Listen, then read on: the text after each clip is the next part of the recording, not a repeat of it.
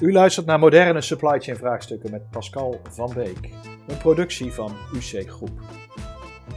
Of het nu gaat over digitalisering, robotisering, mechanisatie, duurzaamheid of customer and operational excellence. Ik als vaste moderator Pascal van Beek neem u mee samen met mijn gasten in de nieuwste trends, ontwikkelingen en inzichten. Veel luisterplezier.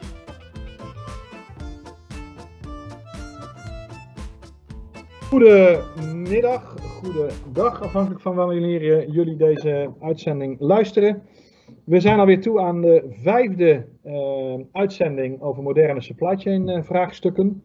Vandaag gaan we het hebben over de praktijk van SNOP. En dit is een beetje geboren uit de SNOP in coronatijd die we een aantal weken geleden hebben gedaan. We merkten dat we gewoon echt veel vragen ook kregen die niet specifiek over corona gingen. En de heren die er toen waren, die staan vandaag hier ook klaar om, uh, om wat meer specifieker uh, de boel naar de grond te trekken en in de praktijk, uh, hun, of de, de verhalen uit de praktijk te delen. Dus dat, zijn, dat zijn in ieder geval Sander de Moesje, Florian Tiemersma en Peter Bol. Ik ben Pascal van Beek en wij zijn UC Groep. Voordat wij verder gaan, even wat huishoudelijke dingen. Er is tijdens dit webinar de mogelijkheid om vragen te stellen. Daarvoor hebben we een Q&A opengezet. Uh, die zal ik in de gaten houden welke vragen er binnenkomen. En die zal ik ook zoveel mogelijk naar de, naar de sprekers, de specialisten van vandaag uh, delen. Zodat die ook beantwoord kunnen worden in het, uh, in het webinar. Um, daarbij geef ik jullie wel aan dat er vaak een vertraging zit tussen het moment waarop wij dit uitzenden, ondanks dat het live is, en dat jullie het ontvangen. En dat kan tussen de 20 en 30 seconden soms zijn. Dus soms moet ik dan even terugpakken naar een andere slide. Ik ben dan even niet te ongeduldig. Ik doe mijn best om alle vragen een plekje te geven. Lukt dat niet, laat ik het ook weten en kunnen we ook altijd separaat nog een keer de antwoorden uh, geven. We zitten namelijk aan het einde van de slides uh, zitten ook onze contactdetails. En anders kunt u via info.ucgroep ook ons gewoon bereiken. Dat even voor de huishoudelijke mededelingen. Ik gaf al een hele snelle uh, introductie van de specialisten die ik hier om tafel heb zitten. En ik uh, wil ze graag heel even het, uh, het, woord geven om zichzelf wat uitgebreider voor te stellen. Sander, als ik bij jou mag beginnen. Ja, natuurlijk. Sander de Moesje. Um, actief bij de, met de UC-groep sinds juni 2018. een kleine twee jaar dus, met, met, erg veel plezier. daarvoor heb ik een, een, lange supply chain carrière al opgebouwd. Ik denk toch wel een kleine 30 jaar alles bij elkaar. Um, in, diverse uh, bedrijven, grote bedrijven, grote internationaal opererende bedrijven. Um, pharma, orthopedie, gezondheidszorg, chemie, dat zijn een beetje de industrietakken waar ik actief ben geweest. Uh, altijd in supply chain of supply chain gerelateerde uh, zaken. En wat ik binnen supply chain altijd erg interessant vind, is om te kijken hoe ik het werkkapitaal kan beïnvloeden op een positieve manier. Ik zie dat dat erg vaak uh, ja, met verbeterprocessen door, doorgevoerd kan worden, maar met name uh, het SNOP-proces, dat is een fantastisch medium om vraagvoorspelling, voorraadbeheer en dat soort zaken echt goed prominent op de kaart te zetten. Het SNOP-proces om je werkkapitaal te verbeteren, dat is, jou, dat is, jouw ding. Dat is mijn drijfveer. Mooi ja, zo. Florian Tiemersma. Ja. ja, goeiedag. Uh, Florian Tiemersma, inderdaad. Uh, afgestudeerd in 1990 in Delft als werk, ingenieur. Uh, afgestudeerd op het gebied van transportsystemen, transporttechniek en logistiek. En eigenlijk uh, mijn hele verdere leven werkzaam geweest uh, in de logistiek. voornamelijk in de consultancy- en advieswereld. En sinds tien jaar geef ik al EPIX trainingen en voornamelijk op het gebied van supply chain management. Super. Helder, Florian. Apex en SNOP. Ik geloof dat ik daar vaak op terug gaat komen op Apex, uh, jouw kennende. Peter Bol. Ja, mijn naam is Peter Bol. Uh, al meer dan 30 jaar actief in de supply chain wereld. Supply chain gestudeerd. Uh, met name gewerkt bij de wat grotere manufacturing companies. Amerikaanse bedrijven, maar ook Nederlandse bedrijven. En nu sinds 15 jaar alweer zelfstandig aan de slag uh, als supply chain interim en consultant. En mijn uh, liefde binnen de scala van supply chain activiteiten is toch eigenlijk wel planning. Planning is mijn dingetje. Dus SNOP hoort daar absoluut bij. Kijk eens aan, drie uitgelezen specialisten die wij vandaag uh, hier aanwezig hebben. Ehm, ik zei net al, dit wordt gehost door UC Groep en de specialisten komen ook vanuit UC Groep. Wat is UC Groep? Dat is een eh, eh, consultancy, een interim en realisatiebureau voor moderne supply chain vraagstukken. Daarbij richten wij ons eh, op eh, grosso een aantal hoofddomeinen of dossiers. Dat is de digitalisering in de supply chain, om dat stap voor stap te verbeteren.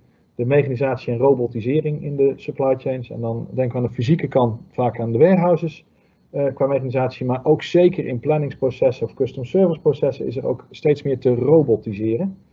Ehm, en als laatste een dossier wat steeds belangrijker wordt voor onze opdrachtgevers, dat is duurzaamheid. Waar we gewoon ook, eh, nou, we hebben ook recentelijk overigens een webinar over gegeven, maar ook een, eh, een stevige poot. Nou, dat doen we met, eh, met eh, grosso modo 50 professionals, waarvan ik er vandaag dan drie eh, om de tafel heb zitten die zich be- bezighouden met onder andere planning en SNOP vraagstukken. Daar kwamen jullie natuurlijk allemaal niet voor, voor die introductie. Jullie kwamen voor het Sales and Operations planningsproces, wat we vandaag naar de grond gaan trekken. En ehm, daarvoor eh, zou ik eerst eh, Peter willen vragen om wat, ehm, misschien wat meer context te geven. Ja, eh, Sales Operations Planningsproces. Het woord zegt het al wel. Hè? eh, s- salesproces, operatie, die twee aan elkaar plakken door middel van planning.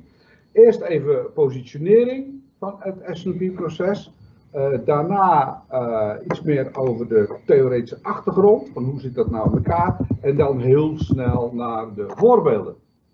Ehm S&OP. Dus, wat betekent SNOP gaat over samenwerken. Samen eh, een planningsproces neerzetten om naar een bepaald doel te gaan. Samen een bepaalde conclusie eh, eh, creëren. Dat, dus dat is meerdere afdelingen, meerdere bedrijven, eh, meerdere functies. En dat gaat en binnen eh Apex, maar dat zal Florian nog wel toelichten, dat, dat gaat samenwerken noemen we een collaboratie. Hè? Het collaboratiemodel. Balans. Balans tussen vraag en aanbod. Balans tussen eh, verkoop en inkoop. Balans tussen verkoop en, eh, en productie. Dus conflict of interests noemen ze dat ook wel. Die twee eh, zaken zijn heel erg belangrijk binnen het SNP. Samenwerken en balans. Samenwerken en balans. Zoeken tussen alle stakeholders in de keten. Zowel Es- in als extern. Precies. Helder. Essentieel. Helder, helder. Essentieel. Waar gaat het dan over? Hè? Dat is, kijk, als je het loslaat, kan iedere functie, kan, eh, eh, kunnen bedrijven hun eigen ding doen, zolang dat met de andere eh, past, zolang er geen verschil is, dan heb je dus ook geen problemen. Heb je dus ook geen proces voor nodig. Maar helaas blijkt het gewoon vaak te zijn dat er een gat is tussen wat de een zegt en wat de ander doet. Dus eigenlijk waar gaat het over? Het gaat over een gap analysis. Daar waar er verschillen zijn tussen plannen en realiteit, moet dat besproken worden, moet dat op tafel komen. Dus SNOP is een proces waarin die, die gaps op tafel komen. En dan moet daar natuurlijk iets over gezegd worden. Er moet consensus komen rond die tafel over die gaps die geïdentificeerd zijn. Typisch Nederlands, poldermodel. Hè, alhoewel S&P helemaal niet Nederlands is. Nee, ik, ik wou wel zeggen, we hebben dat wel eens va- vaker inderdaad. Het, eh, dat, dat polderen maakt misschien juist dat, dat de Nederlander misschien wel meer dan goed behept is om een SOP-proces te draaien. Maar Helaas kan ik dat niet beamen. nee, Wij zijn wel goed in samenwerken. Hè? En we zijn ook wel goed in consensusmodellen. Maar het is niet eh, vanwege onze Nederlandse aard dat het SNP-proces hier sterker is dan in andere landen. Maar dus, de essentie van SNP is die gap analysis, die verschillen. Dat erkennen, herkennen, op tafel leggen en dat bespreken en daar een oplossing voor. Hè? Linksaf, rechtsaf, korte, vermindering. Next. Eh, ik hoor van de luisteraars, ik heb hem ook even live gezet, dat er blijkbaar eh type- en muisgeluiden tussen het spreken doorkomen. Dat, dat is vervelend. Hebben we tot nu toe niet gehad. Ik krijg het ook niet snel opgelost, dus ik zal proberen het type tot een minimum te beperken. Mijn, mijn excuses daarvoor.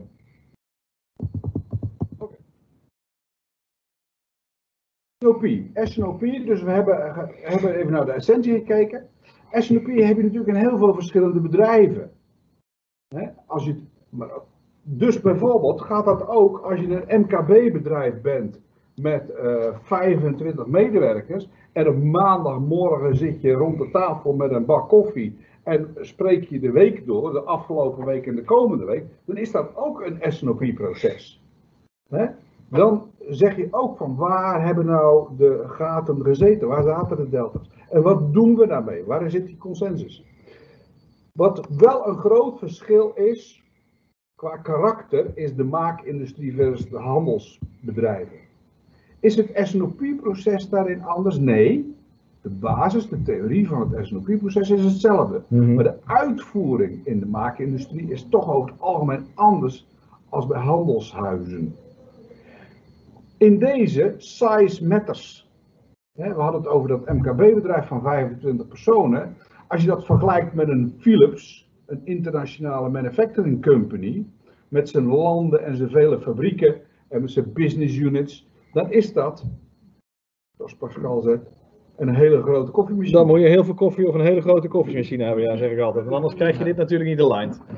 Maar die, Dus de grootte, de complexiteit van het bedrijf is belangrijk. Want hoe groter, bijvoorbeeld een ander voorbeeld is Sonopar. Sonopar is het moederbedrijf van de Technische Unie.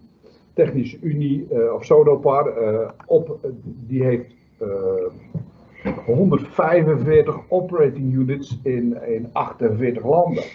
Heeft een miljoen klanten.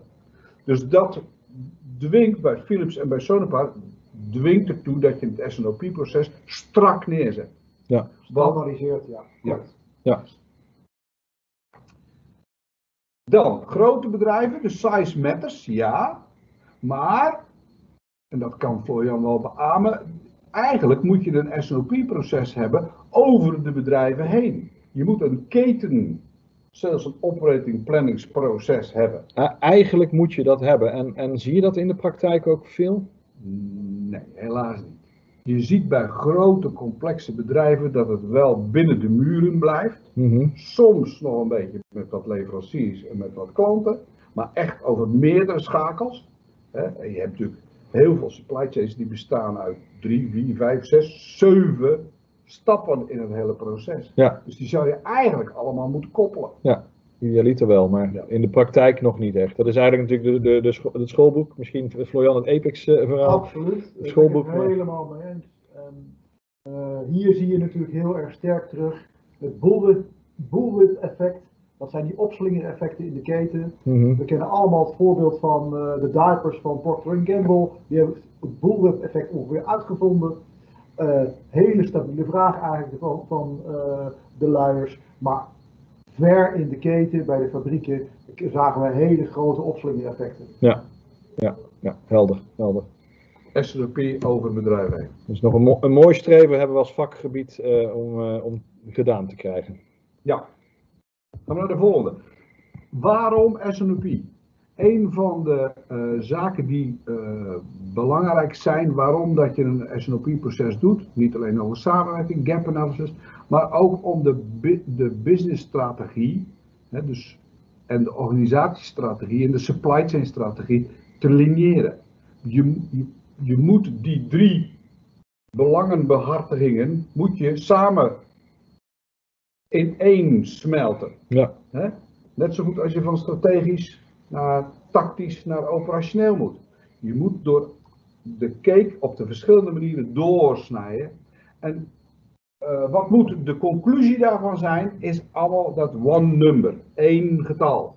Er moet aan het eind consensus zijn over het getal, het aantal, euro's, of aantallen, wat je gaat verkopen, wat je gaat maken, wat je op voorraad gaat leggen. Zodat iedereen weet waar die aan toe is. Dus dan heb je één nummer Mhm. aan het eind. Dus dat is de hele truc om het hele proces dusdanig af te lopen dat je één uniform nummer hebt. Ja, wat die keten, eh, noem ik maar zeggen, dicteert. Aansturen. Ja. Ja. Helder. Ehm, ik krijg, eh, krijg een vraag over, eh, over de, de vijf SNOP-stappen. Kunnen we daar doorheen lopen? Dat, dat, dat gaan we doen. Komen we op terug, eh, beloof ik, Ricardo. Zal ik, zal ik doen. Een andere vraag komt van, van Elwin. Eh, wat houdt grotere bedrijven tegen om transparant te zijn over de OPCO's heen? Dus gedrag van senior management en alpha gedrag. Ah, dat is natuurlijk een hele goede vraag. Ja, en een herkenbare denk ik. Ja, heel herkenbaar. Kijk, zolang wij eh, grotere internationale bedrijven afrekenen per eh, business unit of Mhm. per operating unit of per land, krijg je koninkrijkjes, krijg je eh, muren tussen de verschillende eh, landen of verschillende business units. Ja. Dus zolang je dat hebt, ja, praat je over een eh, samensmelting van meerdere units in het, in het geheel. Mhm. En natuurlijk, iedereen heeft daar zijn eigen belang in. Maar dan, dan even op Elwin zijn of haar vraag inhakende. Ehm, dat is zo, dat is feitelijk. Maar wat houdt dan tegen om daar transparant in te zijn? Hè? Want dat, dat maakt natuurlijk dat die keten vervolgens beter geoptimaliseerd kan worden.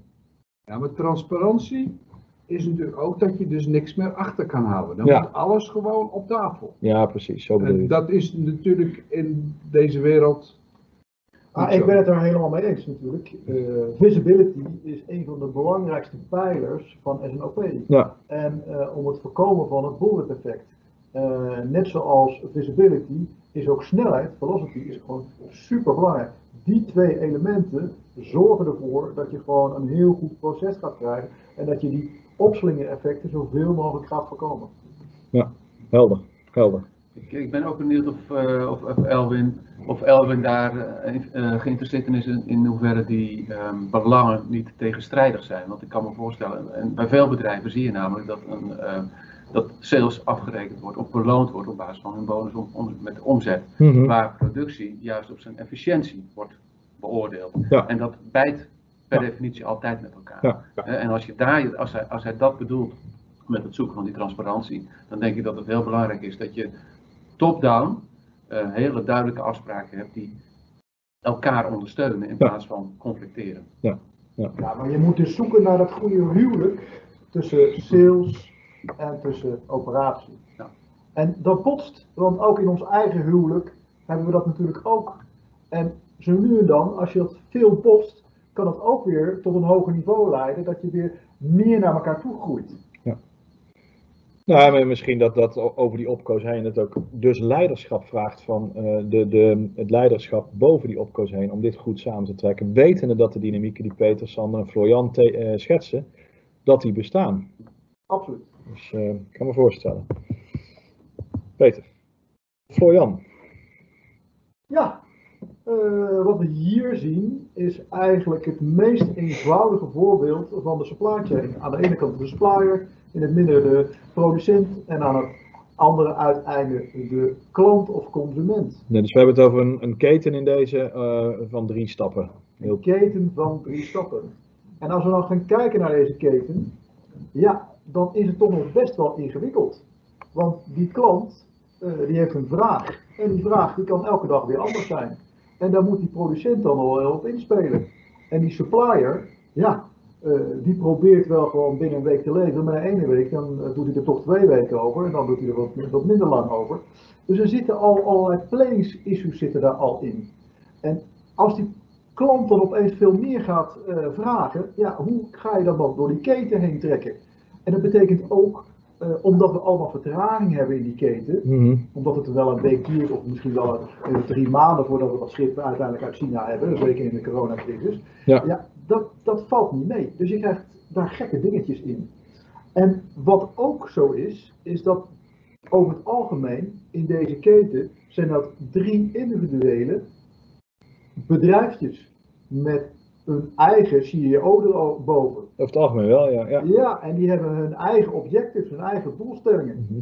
Eh, en dat matcht vaak niet met de totale keten, met onze total cost of ownership over die hele keten 1. Want wie is nou regiehouder van dit hele proces? Ja, dat is dan een beetje zoekende. Ja. Eh, dus dat is, eh, dat is een lastige. En we hebben het dan niet, hier hebben we het dan even over één product. Maar ja, we hebben het over sommige bedrijven. Nou ja, eh, Peter die eh, Ja, eh, die noemde al even een, eh, een, een, een handelsonderneming. Mhm. Nou, daar, dat zijn geen 40.000 artikelen. Nou, hoeveel artikelen zijn het dan wel niet, eh, Peter? Ik weet niet of je dat weet. 2 miljoen. 2 miljoen SKU's. Zo, ja. Ja. Ja. En het is niet alleen zoiets, het is eigenlijk een netwerk van verschillende bedrijfjes. Nou ja, we zien ook dat de eh, primaire productflow gaat van de supplier naar de eh, eh, consument. Mhm. En de cashflow gaat de andere kant op. En die cashflow, ja, wat we ook allemaal weten, is dat ja, het meeste blijft natuurlijk aan het einde van de keten hangen. En helemaal aan het begin van de keten, ja, daar staan dus de, de, de mijnwerkers in de, in de mijnen, staan voor een hongerloontje, staan daar gewoon hun werk te doen. Ja, Terwijl aan de andere kant, die hele dure Tesla-batterijen eh, worden gewoon eh, verkocht. Ja. Dus waar is die balans dan tussen al die verschillende ketenprocessen? dus de- dat, dat is een enorme uitdaging en daarin speelt SNOP ehm, in de ideale wereld, zeg ik dan meteen, want jullie zijn meteen, die ketens zijn vaak niet zo ver geïntegreerd, eh, een, een, een sleutelproces. En zelfs voor een eenvoudige keten met drie stappen, met alleen een uitgaande stroom, eh, de meeste partijen hebben dan nog vaak ook nog een paar producten, heb je al behoorlijk wat complexiteit. Laat staan als je het assorti- assortiment explodeert.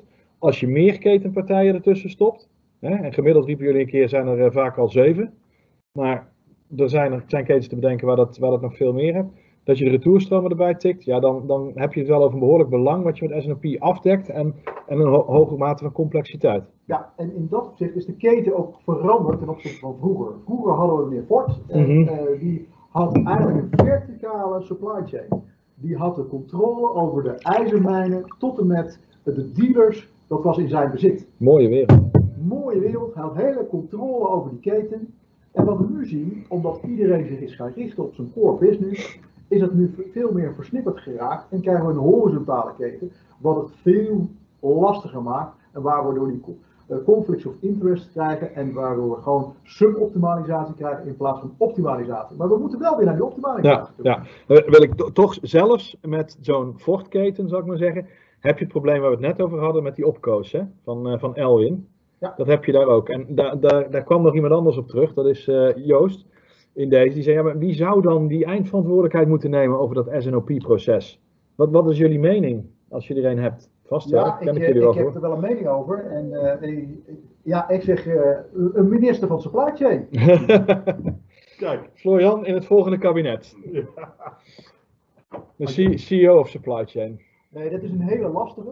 Eh, en daar ben ik wel mee eens. Eh, ze noemen ook wel eens eh, dat je op zoek moet gaan naar een nucleus firm binnen zo'n keten. En dat is eigenlijk het bedrijf wat eigenlijk de aansturing moet doen, de regie moet hebben over de beheersing van die keten. Kan, kan je dat nog een keer zeggen? De nucleus firm? De nucleus firm wordt Dat is voor mij een nieuwe, nieuwe term. Want, Ja, iets meer context. Ik ben, Ja. ben wel benieuwd. De nucleus firm.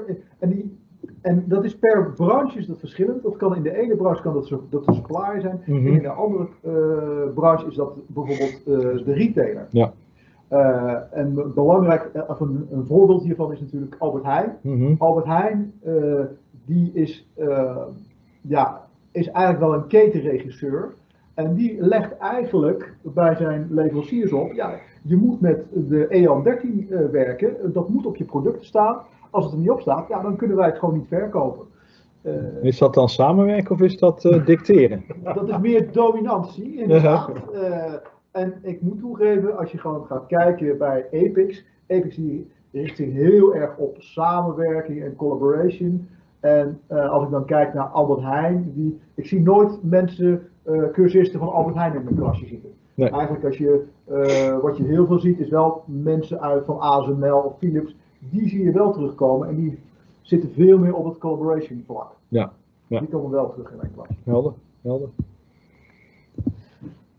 Dan hebben we hier denk ik, eh, ehm, dan kom je bij, bij het punt dat je, dat je de stappen doorloopt eh, van, van het SNOP-proces, waar eerder een vraag ook over was. Dus eh, die heb ik toen geparkeerd. Maar eh, Ja, dat klopt. Eh, eigenlijk zit hier nog wel iets voor. Eh, we hebben het hier over planning. En eh, je begint altijd op het allerhoogste niveau. Strategisch niveau ga je met je bedrijf kijken in welke markten wil ik actief zijn, in welke producten wil ik voeren. Vervolgens ga je een, een stapje naar beneden. Dan ga je dat op, in een businessplan uitwerken. eh, en misschien wel in een budgetplan. En dan weet je wat je wilt. Maar wat gebeurt er dan? Dan moet het eigenlijk moet dat vertaald worden naar tactisch en operationeel niveau. En daar zit vaak een gat. Van hoe ga je dat nou vertalen? En eh, dat doen we dus met SNOP. In SNOP, dat leggen we in het, daar binnenin. Dus dit, dat, die zoekt de aansluiting tussen dat strategische en dat tactisch-operationele gedeelte. Oké. En dat is een maandelijks proces. En eh, eigenlijk eh, stap 1 is eigenlijk het verzamelen van data. Dus elke maand, aan het einde van de maand, gaan we data verzamelen. Wat is er allemaal gebeurd? En dat ga, ga je data verzamelen van de omzet, eh, winstcijfers, maar ook wat heeft de operatie gedaan. eh, wat, eh, wat zijn de productiviteiten geweest? Wat is mijn voorraad? Dus, et cetera. Al die data wordt verzameld. En eh, dat doen we in stap 1. Ja. Stap- Eén één ding triggert me wel. Je zegt, je zegt dat is een maandelijks proces. Is dat altijd een maandelijks proces? Is dat niet heel erg altijd een afhankelijk? maandelijks, Het is niet een, eh, een wet van mede en persen. Sommige bedrijven willen dit ook wekelijks doen. Oké. Eh, maar mijn persoonlijke voorkeur gaat wel naar een maandelijks proces. Omdat wekelijks vaak niet veel meer extra toevoegt. Oké. Maar dat is een persoonlijke mening. Ik denk. ik Ja, het hangt, van de industrie af. Ja. Ja. ja. Ja, er zijn industrieën, eh, versmarkt, ver- versproducten, waarin je eh, die cyclen korter maakt. Ja, Ja. Ja. ja, ja. Het kan zelfs zo zijn dat eh, stap 5 eh, minder vaak plaatsvindt dan eh, de andere vier stappen. Ja. Ja. Data verzamelen. En als je die data verzameld hebt, dan kan je ook bij wijze van spreken een historical forecast maken. Dan ga je Mhm. op basis van de data ga je de toekomst proberen te voorspellen. Die neem je mee naar de volgende stap en dat is de demand planning stap. Dan ga je met de salesmensen, de accountmanager, ga je rond de tafel zitten en dan zeg je, dit is wat wij voorspellen op basis van de historische cijfers. Maar sales heeft natuurlijk input vanuit de markt. Mhm. En ik kan erop inspelen. Nee, mijn klant daar, die gaat gewoon een omzetvergroting doen. Of die heeft dat land erbij gekregen. En dan gaan we die forecast, die historical forecast, gaan we aanvullen met de data uit de markt. Mhm. En dan ontstaat er een management forecast. En als we die management forecast hebben, dan gaan we naar stap 3. En stap 3 is de supply planning. Dan gaan we naar de operatie toe. En dan gaan we aan de operatie vragen: operatie, dit is wat sales, eh, eigenlijk eh, de salesmensen voor, eh, verwachten dat we gaan doen. Ja. Kunnen jullie dit ook maken? Ja. En uiteraard komen daar natuurlijk gewoon eh, ja, eh bottlenecks uit. De vakantie komt eraan, we hebben onvoldoende personeel. Nou, dan moeten we misschien het uitzendbureau inschakelen. Of eh, we hebben onvoldoende productieruimte om dit te produceren. Misschien moet je dan een, een externe partij inhuren om wat dingetjes te produceren. En zo probeer je dat, dat soort zaken op te lossen. De allerlaatste uitweg is de sales planning aan te passen. Dat wil je eigenlijk nooit doen. Nee. Want dat is de vraag die voorspeld is. Maar als het niet kan, dan zul je wel moeten. Bijvoorbeeld in de coronacrisis, ja, als wij niet aangeleverd krijgen uit China, dan kunnen we ook niet leveren. Nee. Nee. Dus daar zit wel, op een gegeven moment moet je wel terug. Maar de voorkeur is altijd dus de operatie aan te sluiten aan een salesplan. Dus er zit, er zit wel eigenlijk een, eh, een, een soort loop tussen demand planning en supply planning. Die, die itereert totdat ja, Ja. uit een lijn is. Ja, en eigenlijk doe je dat in stap 4, dat is de pre-meeting. Daar ga je gewoon met sales en operatie samen zitten om gewoon alle eh, issues en uitdagingen op te lossen. En je wil eigenlijk een, een, een opgelost plan neerleggen, want de laatste stap is dat je dat presenteert aan eh, de directie, die dan zijn goedkeuring opgeeft. Ja. Een hele belangrijke stap, die laatste eh, stap, want eigenlijk de eindverantwoordelijke is de directie, die moet zeggen, ja, we zijn het eens met dit plan, we gaan het zo gaan we het uitvoeren. Ja, helder. Helder. Vijf stappen om tot dat, dat, dat SNOP-proces door te lopen. En, eh, en te zorgen dat je zo dicht mogelijk op de markt kan acte- acteren met ja, Sanders een stokpaardje, zo min mogelijk voorraden, zeg ik dan maar even. Ja, Dus, eh, helder. Helder. Goed, eh, geval de juiste woorden uit. goed verhaal. Ja. Dat, dat, dat, eh, Peter en Florian hebben, hebben nou context eh, geschetst hè, van, van wat is SNOP en wat is het, het, het spanningsveld, zonder het eh, al te technisch te maken in, in dit geval, maar wel even duidelijk neerzetten.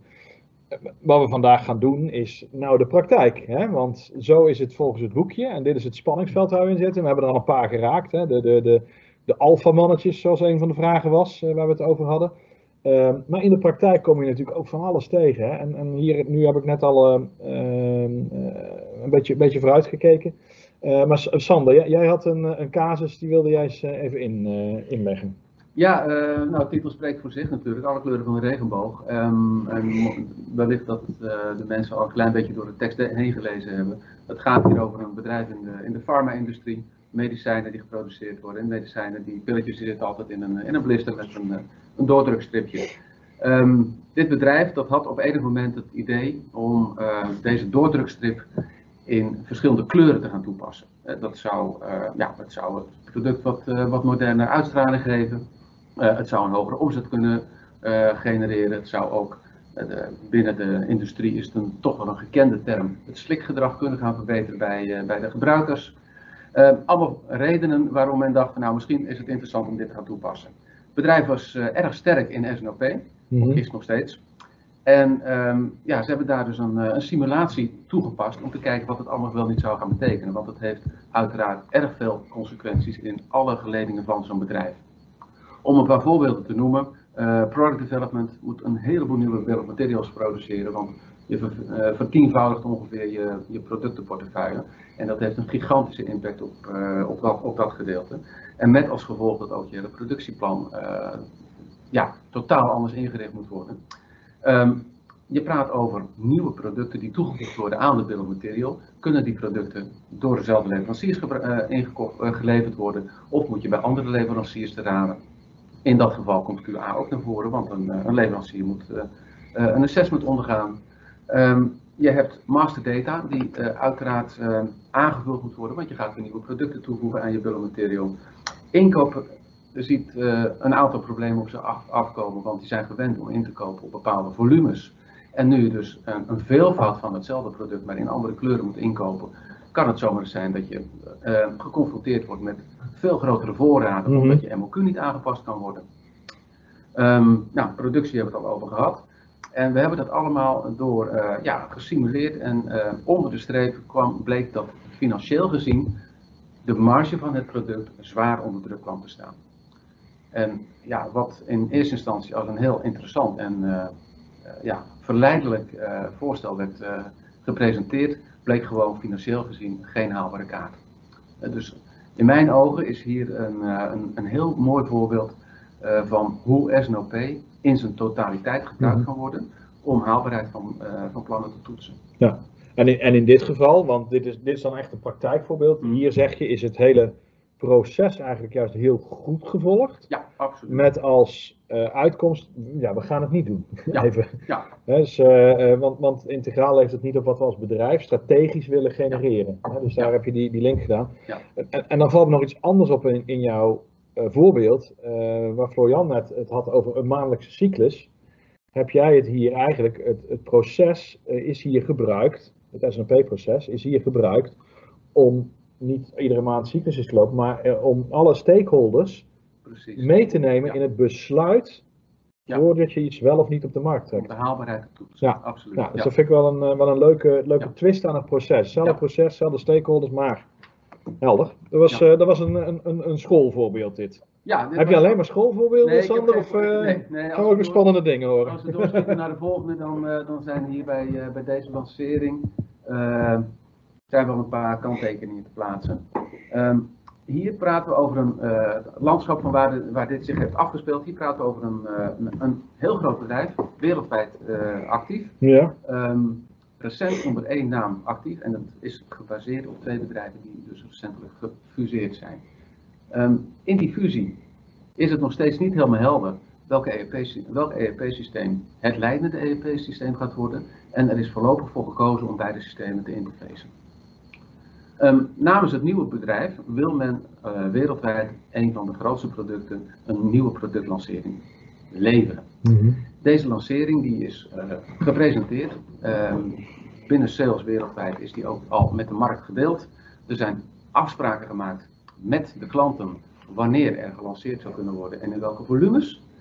Echter, hier binnen deze, in dit voorbeeld bleek achteraf dat uh, de volumes en de timing van wat er wanneer voor, uh, voorradig moest zijn, dat was niet intern gedeeld. Uh, dus dat kwam, gestaag kwam dat naar boven. En eh, dat leidde uiteindelijk tot de situatie dat eh, de productieomgeving eh, geconfronteerd werd met een vraag die onmogelijk te beleveren was. En toen hadden we uiteraard de pop aan het dansen. Dus dan, dan gaan er ontzettend veel mechanieken in gang gezet worden. Ehm, commercie probeert natuurlijk zoveel mogelijk druk uit te oefenen om toch productbeschikbaarheid te realiseren. Ja. Met als gevolg dat er erg veel in het productieplan aangepast moet worden en de fabrieken eh, andere producten moeten gaan eh, vertragen of verlagen in de productie om de capaciteit te verhogen voor de introductie. Mhm. Ehm, met dan weer het risico dat eh, deze andere producten ook weer met hun voorraden in de groei zouden kunnen komen. Dus het, het, het, het bijt altijd met elkaar. Het bijt overal dan. Het bijt overal. Niet alleen op deze productgroep, maar Absoluut, het gaat ja. pijn doen voor, Ja. eh, voor andere productgroepen en andere klanten. Daar, daar, zat, daar zat een heel hoog risico in, omdat, eh, want daar moest dus voorraad opgegeten, of opgegeten worden. Mhm. Ehm, en in sommige casussen wa- was het dus ook inderdaad eh, ja, tekort, of Ja. men kon niet leveren. Ja, ik, ik ken Ja. een vergelijkbaar voorbeeld wat hier heel erg op aansluit. Waarbij eh, de producent eigenlijk heel onbetrouwbaar leverde. Waardoor de klanten alvast extra gingen inkopen. Dus die zeiden, die gaven een ge- hogere gaven ze, eh, door.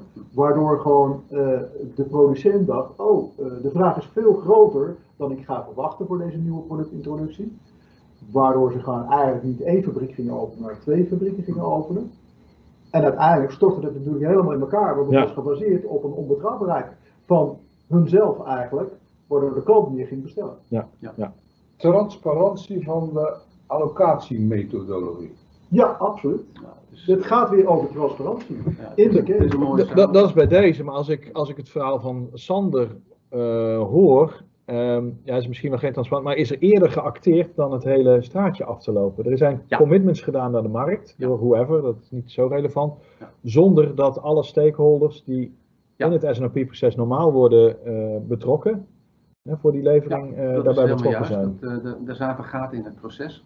En had men eh, vooraf met elkaar afgesproken wat, eh, hoe groot de lancering zou zijn. En productie had daar eh, ja, een plan op kunnen maken wat er wanneer geproduceerd zou zijn. Dan had men daarmee terug kunnen gaan naar de markt. Ja. Om de timing van deze lancering eh, goed neer te zetten. Ja. En daar hebben ze in, eh, ja, dat hebben ze niet gedaan, laat ik het zo zeggen. Dit is weer Ja. duidelijk een voorbeeld van slechte communicatie. Ja, Communicatie. communicatie. En, en daar zit nog een tweede ding onder. Hè, en daar, vandaar eh bijvoorbeeld je hamster in de titel. Eh, want omdat er twee systemen waren die niet optimaal met elkaar praten, was het blijkbaar mogelijk om in het ene systeem te bestellen en vanuit het andere systeem te worden beleverd. En dat, dat liep scheef. Er waren landen waarbij eh, het dus bleek dat orders dubbel geplaatst werden. Of orders die waren eh, bewust dan wel onbewust eh, wat hoger ingezet, Mhm. omdat men van de, van de schaarste op de hoogte was. Met als gevolg dat sommige landen in deze periode, waarin het product dus zeer schaars beschikbaar was, hadden sommige landen een enorme hoge voorraad. Mhm. En andere landen hadden een, een te lage voorraad of geen voorraad. Met als gevolg uiteindelijk dat het lanceringsplan global niet gehaald kon worden. Nou, hier zie je natuurlijk weer, een vorm van prioritisering, eh, wat we nu ook zien in de Ja. coronacrisis. Welk land krijgt nu de mondkapjes en welk land niet? Ja, ja, heel, heel, heel herkenbaar inderdaad. Dat moet voor jullie eh, allerlei eh, belletjes gaan Ja. rinkelen als je de huidige discussies overal ziet. Ja, ja. en Ja. dat is best wel een heel ingewikkeld proces. Ja. Want hier gaat het meer over emotie dan over ra- rationaliteit. Ja. Dus ook dat soort zaken spelen allemaal mee in zo'n eh, sales and operations planning proces. Prachtig. Prachtig voorbeeld, Sander. Ja, dus als je deze zou willen samenvatten eh, en, en even kijkend naar de, de vijf stappen eh, rechts onderin. In mijn ogen ging het hier echt fout in stap 2, 3 en 5. 2 en 3, dat, eh, Dus de, de, de demand planning, de supply demand planning, planning, supply planning en het executive SNOP. daar ging het bij Met deze name fout. het executive SNOP, dat had veel duidelijker moeten zijn en transparanter moeten zijn in wat en wanneer door wie moest worden aangeleverd, Mhm. opdat de organisatie daarop kon acteren. Ja, helder. Ja. Super. Ik vind het wel leuk, want eh, die, dat proces komt weer terug en, en, en het blijft eh, leven, de discussie net van wie, wie is nou eindverantwoordelijk, wie bepaalt, bepaalt wat in die keten. En eh, eh, El, Elwin heeft het ook die, over die eh, executive SOP, die, die laatste eh, stap, schrijft hij, of vraagt hij. Ja, dat is een stelling, maar een vraag ook. Ik zal hem even voorlezen voor de duidelijkheid. Eh, is de executive SOP er ook niet om besluiten eh, te nemen als de laag eronder er niet uitkomt? Het pre-SNOP dient dan scenario's te maken en directie maakt dan een definitieve keuze. Kan een van jullie daarop Ja, ja. reageren? Helemaal Ja. Nee, maar dat is, helemaal, helemaal correct wat hij daar zegt. Ja. Hè, uiteindelijk moet eh, in de executive SLP moeten er eh, beslissingen genomen worden, Mhm. moet het bekrachtigd worden, moeten aannames, hè, we gaan extra capaciteit, we gaan extra mensen inzetten, gaan overuren maken, andere kostenstructuren. Nou, die moeten naar voren komen door middel van opties of door middel van een aanbeveling en, eh, en de directie of eh, eh, aan het eind moet daar een, een, een beslissing over komen. Ja, en, en het is dus heel belangrijk dat we die twee eh, sales en operatie bij elkaar trekken. Je ziet heel veel in eh, eh, traditionele ondernemingen dat daar gewoon commercie veel zwaarder weegt dan de operatie. En daar moet echt een balans in, in, Ja. in komen en zijn. Helder. Vanuit, vanuit de operationele blik. eh, ja, en wij zijn heel erg van de operatie toch wel een beetje. de, die, die nuance moeten we denk ik wel plaatsen. Ja, dat is denk ik ja. wel belangrijk. Dat is wel belangrijk. ja. ja. Oké, helder. Dat was, eh, was een, een, een goed voorbeeld. Dus je hebt leuk, leuke voorbeelden. Aan de ene kant, eigenlijk zijn het altijd productlanceringen, als ik zo mag zeggen, waarbij ene ten halve gekeerd is beter dan het hele verdwaald. En Ja. de andere is, eh, joh, we zijn gaan dwalen en we zijn eruit niet meer uitgekomen met heel veel vervelende effecten. Ja, correct. Helder, helder. Ehm, Peter, jij, jij had ook wat meegenomen voor vandaag, eh, geloof ik, hè? Ja, een voorbeeld waarin ehm, eh, meerdere waarheden, hè? de waarheid en niets dan de waarheid. Hè? Dat is eigenlijk waar ik het eerder over had, dat één nummer, hè? Er, is, er is consensus, er komt één nummer, Ja. die schiet de systemen in en dat is dan eh, de waarheid. Nou, ik heb ervaring opgedaan bij een eh, grote internationale manufacturing company, waarin wij een SNOP-proces aan het implementeren waren. En waarin je bij de diverse geledingen gaat uitleggen wat dan de bedoeling is. Wat doen we daar dan mee? Hè? Niet alleen hoe komen we eraan, maar wat doen we daar dan mee? Toen zat ik eh, eh, in de manufacturing site bij de, bij de MRP-planners. om uit te leggen hoe dan die getallen doorkomen in Mhm. hun ERP naar hun toe en eh, hoe ze daarmee aan de gang gaan. En toen vroeg ik ook van hoe doe je dat nu dan? Ja. Wat doe je ermee? Dus je hebt die consensus, dat maakplan, dat komt door je ERP, komt dat naar jou toe. Mhm. En jij gaat daarmee aan de slag. Hij zegt van ja, dat, dat, doen wij, eh, dat doe ik als volgt. Hij pakt dan die, die, die knop die op alle ERP's zit en die downloadt dan die data in een Excel spreadsheet. Ja. Dus dan gaat hij, heeft hij daar een prachtige hele grote spreadsheet voor zijn neus met al die maakgetallen. En dan gaat hij daar zijn eigen logica op toepassen. Zijn eigen interesse, Ja. zijn eigen waarheid zet hij daarin. Dus hij doet een aantal slagen, maakt hij daarmee, een aantal berekeningen. En dan uploadt hij de conclusie daarvan weer terug in het EEP. Hij zegt, kijk, en dan plan ik daarmee. Ja.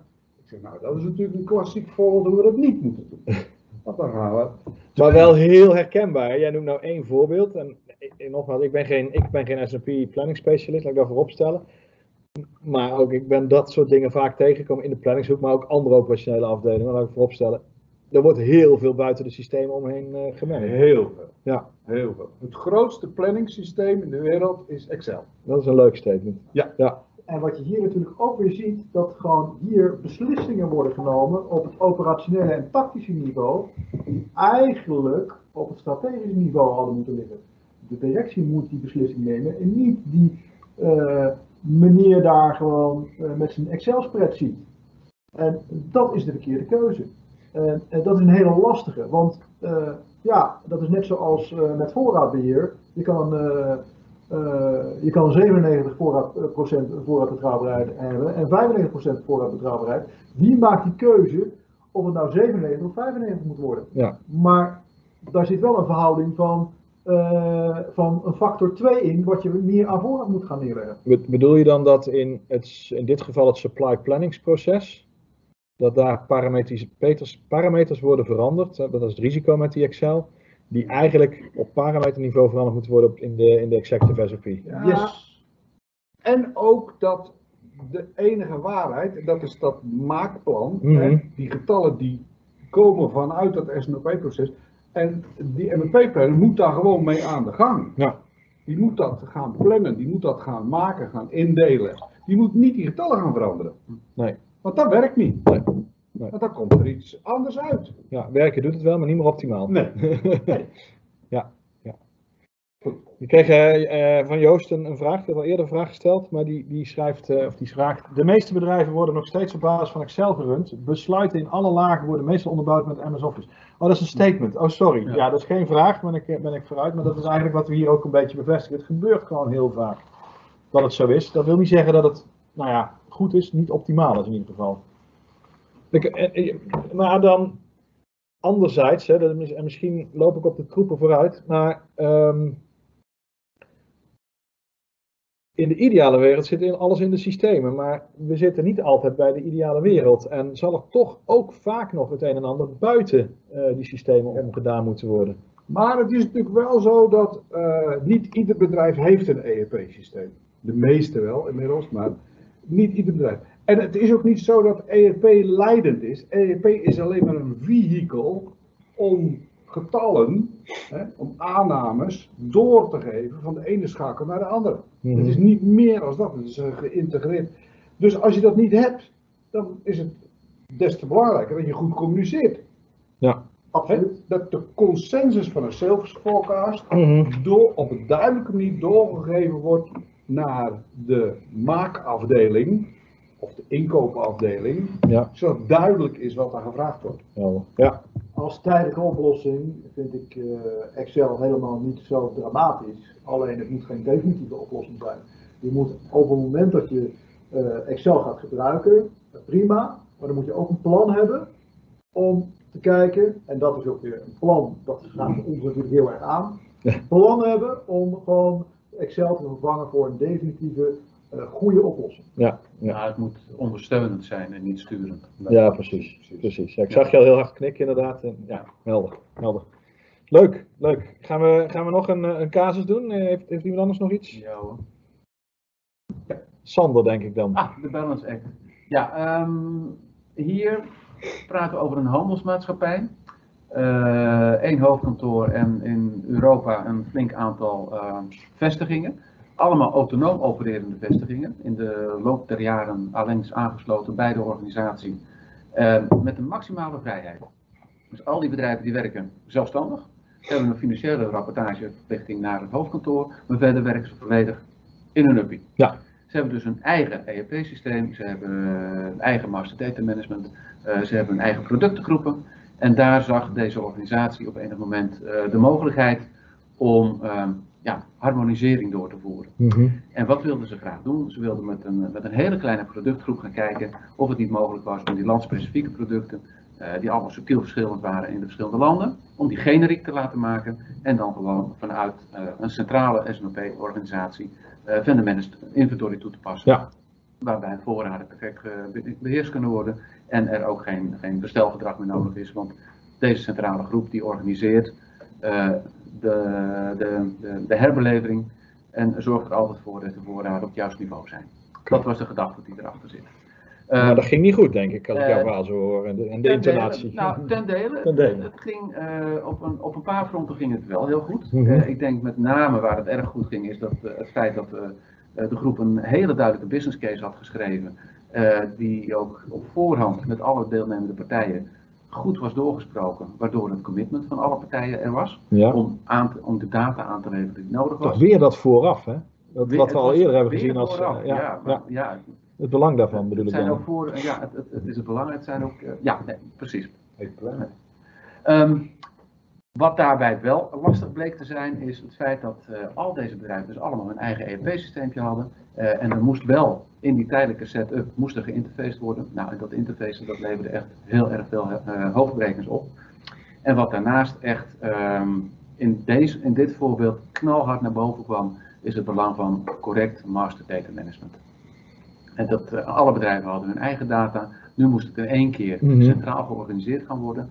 En dat, eh, ja, op kleine schaal was dat nog wel te doen, maar zodra we dus uitbreiden naar, eh, nou, ja, naar de grotere operationele schaal, bleek dat dus echt wel eh, veel ingewikkelder te zijn dan menigeen zich had eh, Dat is- durven denken. Het zou een project op zich kunnen zijn geweest. eh, Ja. om, om alle masterdata van Ja. al die eh, ondernemingen eh, te alignen. Om het bij elkaar te harken was, eh, dat was een, eh, een FTE die Ja. was daarmee Ja, en bezig. dan Ja. zie je het hier nog Ja. binnen één grote organisatie. Mhm. Maar als je dat over verschillende organisaties gaat uitbreiden, over de hele keten, dan wordt het nog een stukje complexer. Want in de e- het ene bedrijf, ja, die hanteert andere SKU-nummers dan het andere bedrijf. Ja. Nou, probeer dat het maar eens te alignen en dat aan elkaar te knopen en, en te koppelen. Ja. Eh, dat, is best een uitdaging. En, eh, nou ja, zo net had ik het al het voorbeeld aan van, eh, van Albert Heijn met zijn EA13, dus die, diezelfde productcode, Ja. barcode.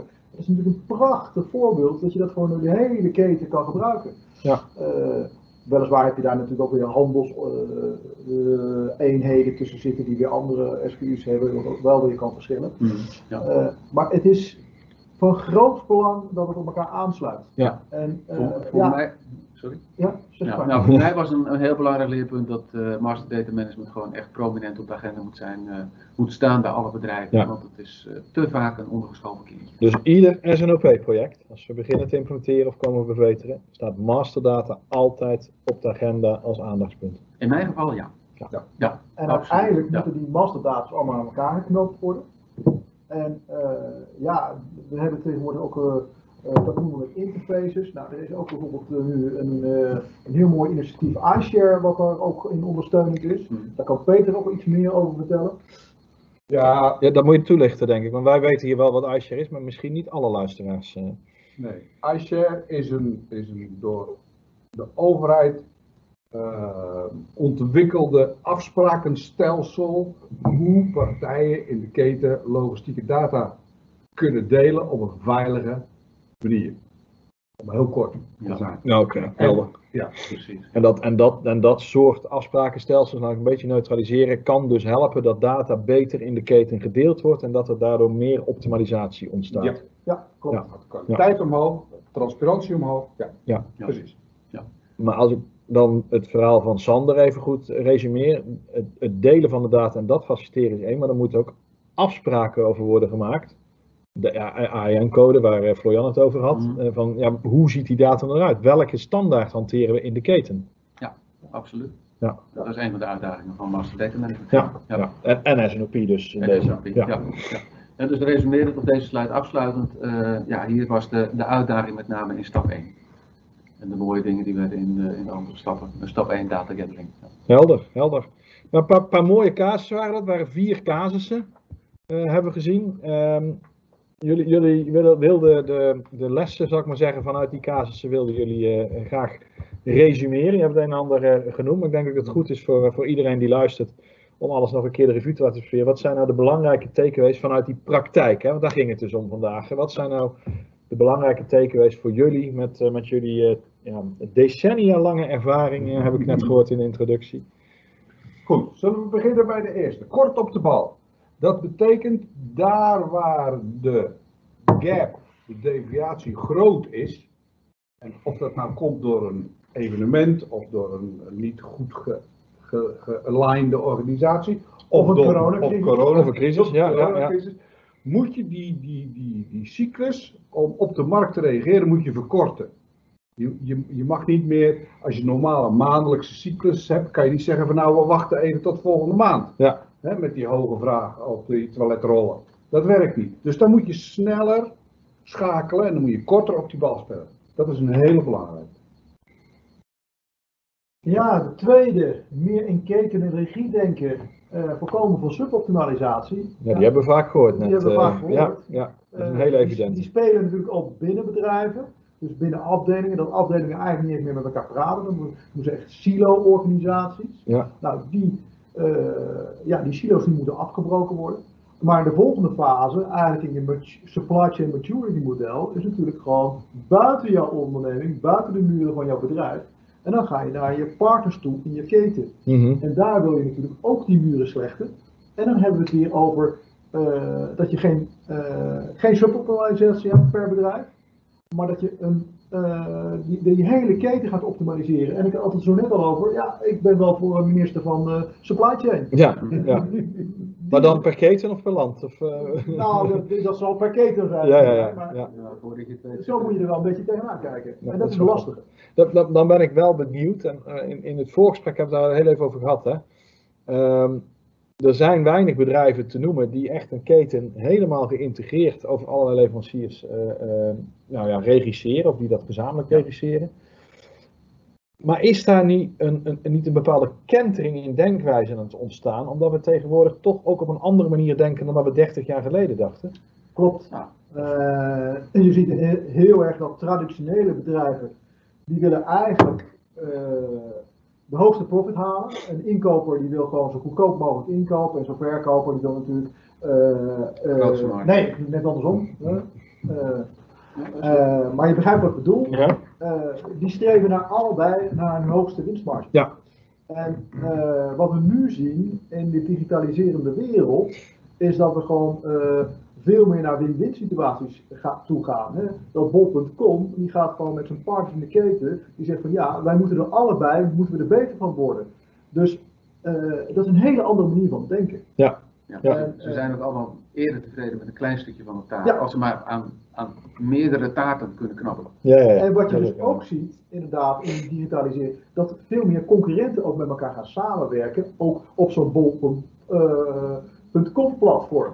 Dus het is een andere manier van denken en dat gaat, dat gaat natuurlijk steeds meer en steeds harder rollen, dat, dat, dat balletje. Ja. En we zullen, zullen ook zien, vroeger was assets heel belangrijk, dus winkeltjes. Ja, En we, dat, dat houdt eigenlijk op. Eigenlijk wordt gewoon eh, het label veel belangrijker. Het label bol.com is eigenlijk veel belangrijker. Want bol.com heeft geen assets. Ja. Behalve dan distributiecentra. helder. Dus dat, is, eh, dat is eh, nou, kort op de bal hebben we gehad dan. Keten, eh, ketendenken en samenwerking in de keten. Zijn er nog andere belangrijke takeaways? Ja, nou, master data management is een paar keer al Zeker. expliciet aan de orde geweest. Tijdelijke systemen, ik ben er geen voorstander van. Ik snap ontzettend goed dat het wel moet. Mhm.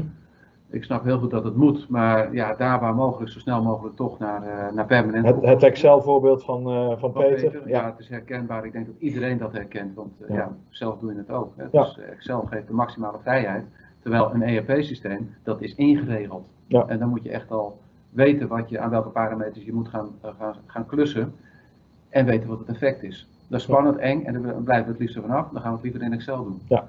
En dat is, dat is een risico natuurlijk. ja, Ja. helder. Ja. En dan een, dan een laatste, die, is- die is minder expliciet eh, teruggekomen, maar eh, het sturen op supply chain event management. Eh, kun je dat eens toelichten? Wie, wil, wie pakt die op, Peter? Ja, ehm, supply chain events, dat zijn dus eigenlijk de, de, de afwijkingen. Je hebt nu een normale verkoop. Mhm. Florian heeft eerder een voorbeeld gegeven bij Albert Heijn, de bonus schemes of de hamsterweken. Je kan eh, evenementen in het planningsproces kan je gewoon eruit halen en op zich kan je die eh, berekenen. Dus je kan van tevoren uitrekenen, Albert Heijn weet precies als ze de koffie in de aanbieding doen, wat dat betekent voor, eh voor de verkoopgetallen. Ja, extra omzet. Ja. En dit is natuurlijk gewoon voorspelbare events. Mhm. Maar we hebben natuurlijk ook onvoorspelbare events, zoals de coronacrisis. Daar Ja. komen we steeds weer op terug. Dus dit blijft natuurlijk een prachtig voorbeeld, de corona. En dat is gewoon voor ons als supply chain managers. Ja, aan de ene kant is het natuurlijk heel triest, maar aan de andere kant is het ook smullen van hoe dat spel gespeeld wordt. Ja, ja. Ja, ik kan me voorstellen. Ehm, we krijgen overigens een, reactie van Elwin, die, die mist nog wat. Nou, daar zijn wij op voor geweest. We hebben eh, af en toe wat bullets opengelaten. Eh, El, Elmo- Elwin die roept van demand management eh, is ook een belangrijk element, want garbage in is garbage out. Wat hebben jullie daar iets op, op, op toe te voegen of aan te vullen? Ja, nou als ik zou mogen. ehm, supply chain event management, ja, dat, is, eh, dat sluit daar goed op aan. Want ik denk als je je data goed analyseert, en dan, dan weet je gewoon op basis van kengetallen dat ja, de 80-20 regel gaat er erg vaak op natuurlijk. 80% van al die data die door het systeem heen loopt, loopt prima. Ja. Daar moet je niet naar kijken. Eh, juist die 20%, dat zijn die, eh, die uitzonderingen, dat zijn die events. En als je je daarop richt, dan denk ik dat je garbage in, garbage out al snel op de korrel hebt. En Ja. dat je weet waar, aan welke knop je moet draaien Ja. om, eh, om de goede kant op te gaan. Oké. Ja, wat ik ook heel belangrijk vind, is dat je altijd je data moet je evalueren. Als je een forecast maakt, geef je er altijd een forecastfout op. Van hoe betrouwbaar ben ik in mijn forecast. Mhm. Vervolgens gaat de eh, salesorganisatie gaat er ook nog, ook nog zijn plasje over doen. En de volgende maand daarna, dan kijk je of, dat, of die omzetcijfers die we gerealiseerd hebben, of het ook klopt met wat die accountmanagers en wat je gewoon op gevolgd of dat correct is. Mhm. En dan, ja, eh, ik heb het wel meegemaakt dat accountmanagers daar een soort competitie van maken. Ja, ja. Van, ja, wie, wie heeft nou gewoon de maand eerder de beste voorkast afgekregen? Nou, en als je dat gaat krijgen, dan, dan gaat het echt leven, dan wordt het leuk. Ja, ja super, super. Nou, dat zijn eh, aardig wat nieuwe inzichten en leuke praktijkvoorbeelden en, eh, en een paar goede takeaways. Ik, eh, ik, vond, ik vond het weer super heren om mee te gaan. Ik ben ook heel blij met de luisteraars en de interactie die we daar hebben gezien en de meningen die we hebben gehoord. Eh, ik kan me voorstellen dat het hiermee voor de luisteraars niet is afgedaan. Voor ons als vakidioot in ieder geval nog langer niet. Ehm, wij zorgen ervoor dat ehm, deze uitzending wordt eh, op YouTube gezet. Uh, daar heb je de beeldmateriaal bij. Maar hij wordt ook eh, via diverse podcasts verstuurd, waaronder Spotify en iTunes, ook veel gebruikte zaken. Jullie kunnen ons bereiken via de contactdetails algemeen Groep. En mocht je de slides zien, dan kun je ook de betreffende personen persoonlijk benaderen. Ik vond het weer heel tof en heel mooi. Ik kijk nog even voordat we afsluiten of er nog vragen zijn. Nee, die, die zijn er niet. Mocht je nog vragen hebben na het event, nou, de contactdetails zijn eh, via deze eh, gedaan. Ik dank de drie specialisten, Sander, Florian, Peter. Fijn dat jullie er voor de tweede keer aanschoven. Ik geloof dat er op dit domein nog, op dit domein nog heel veel te vertellen en te delen is. Dus ik hoop dat we weer een keer eh, een, een nieuwe uitzending kunnen maken. En ik ben benieuwd waar jullie mee komen. Top, Dankjewel. dank. Dankjewel. Graag gedaan.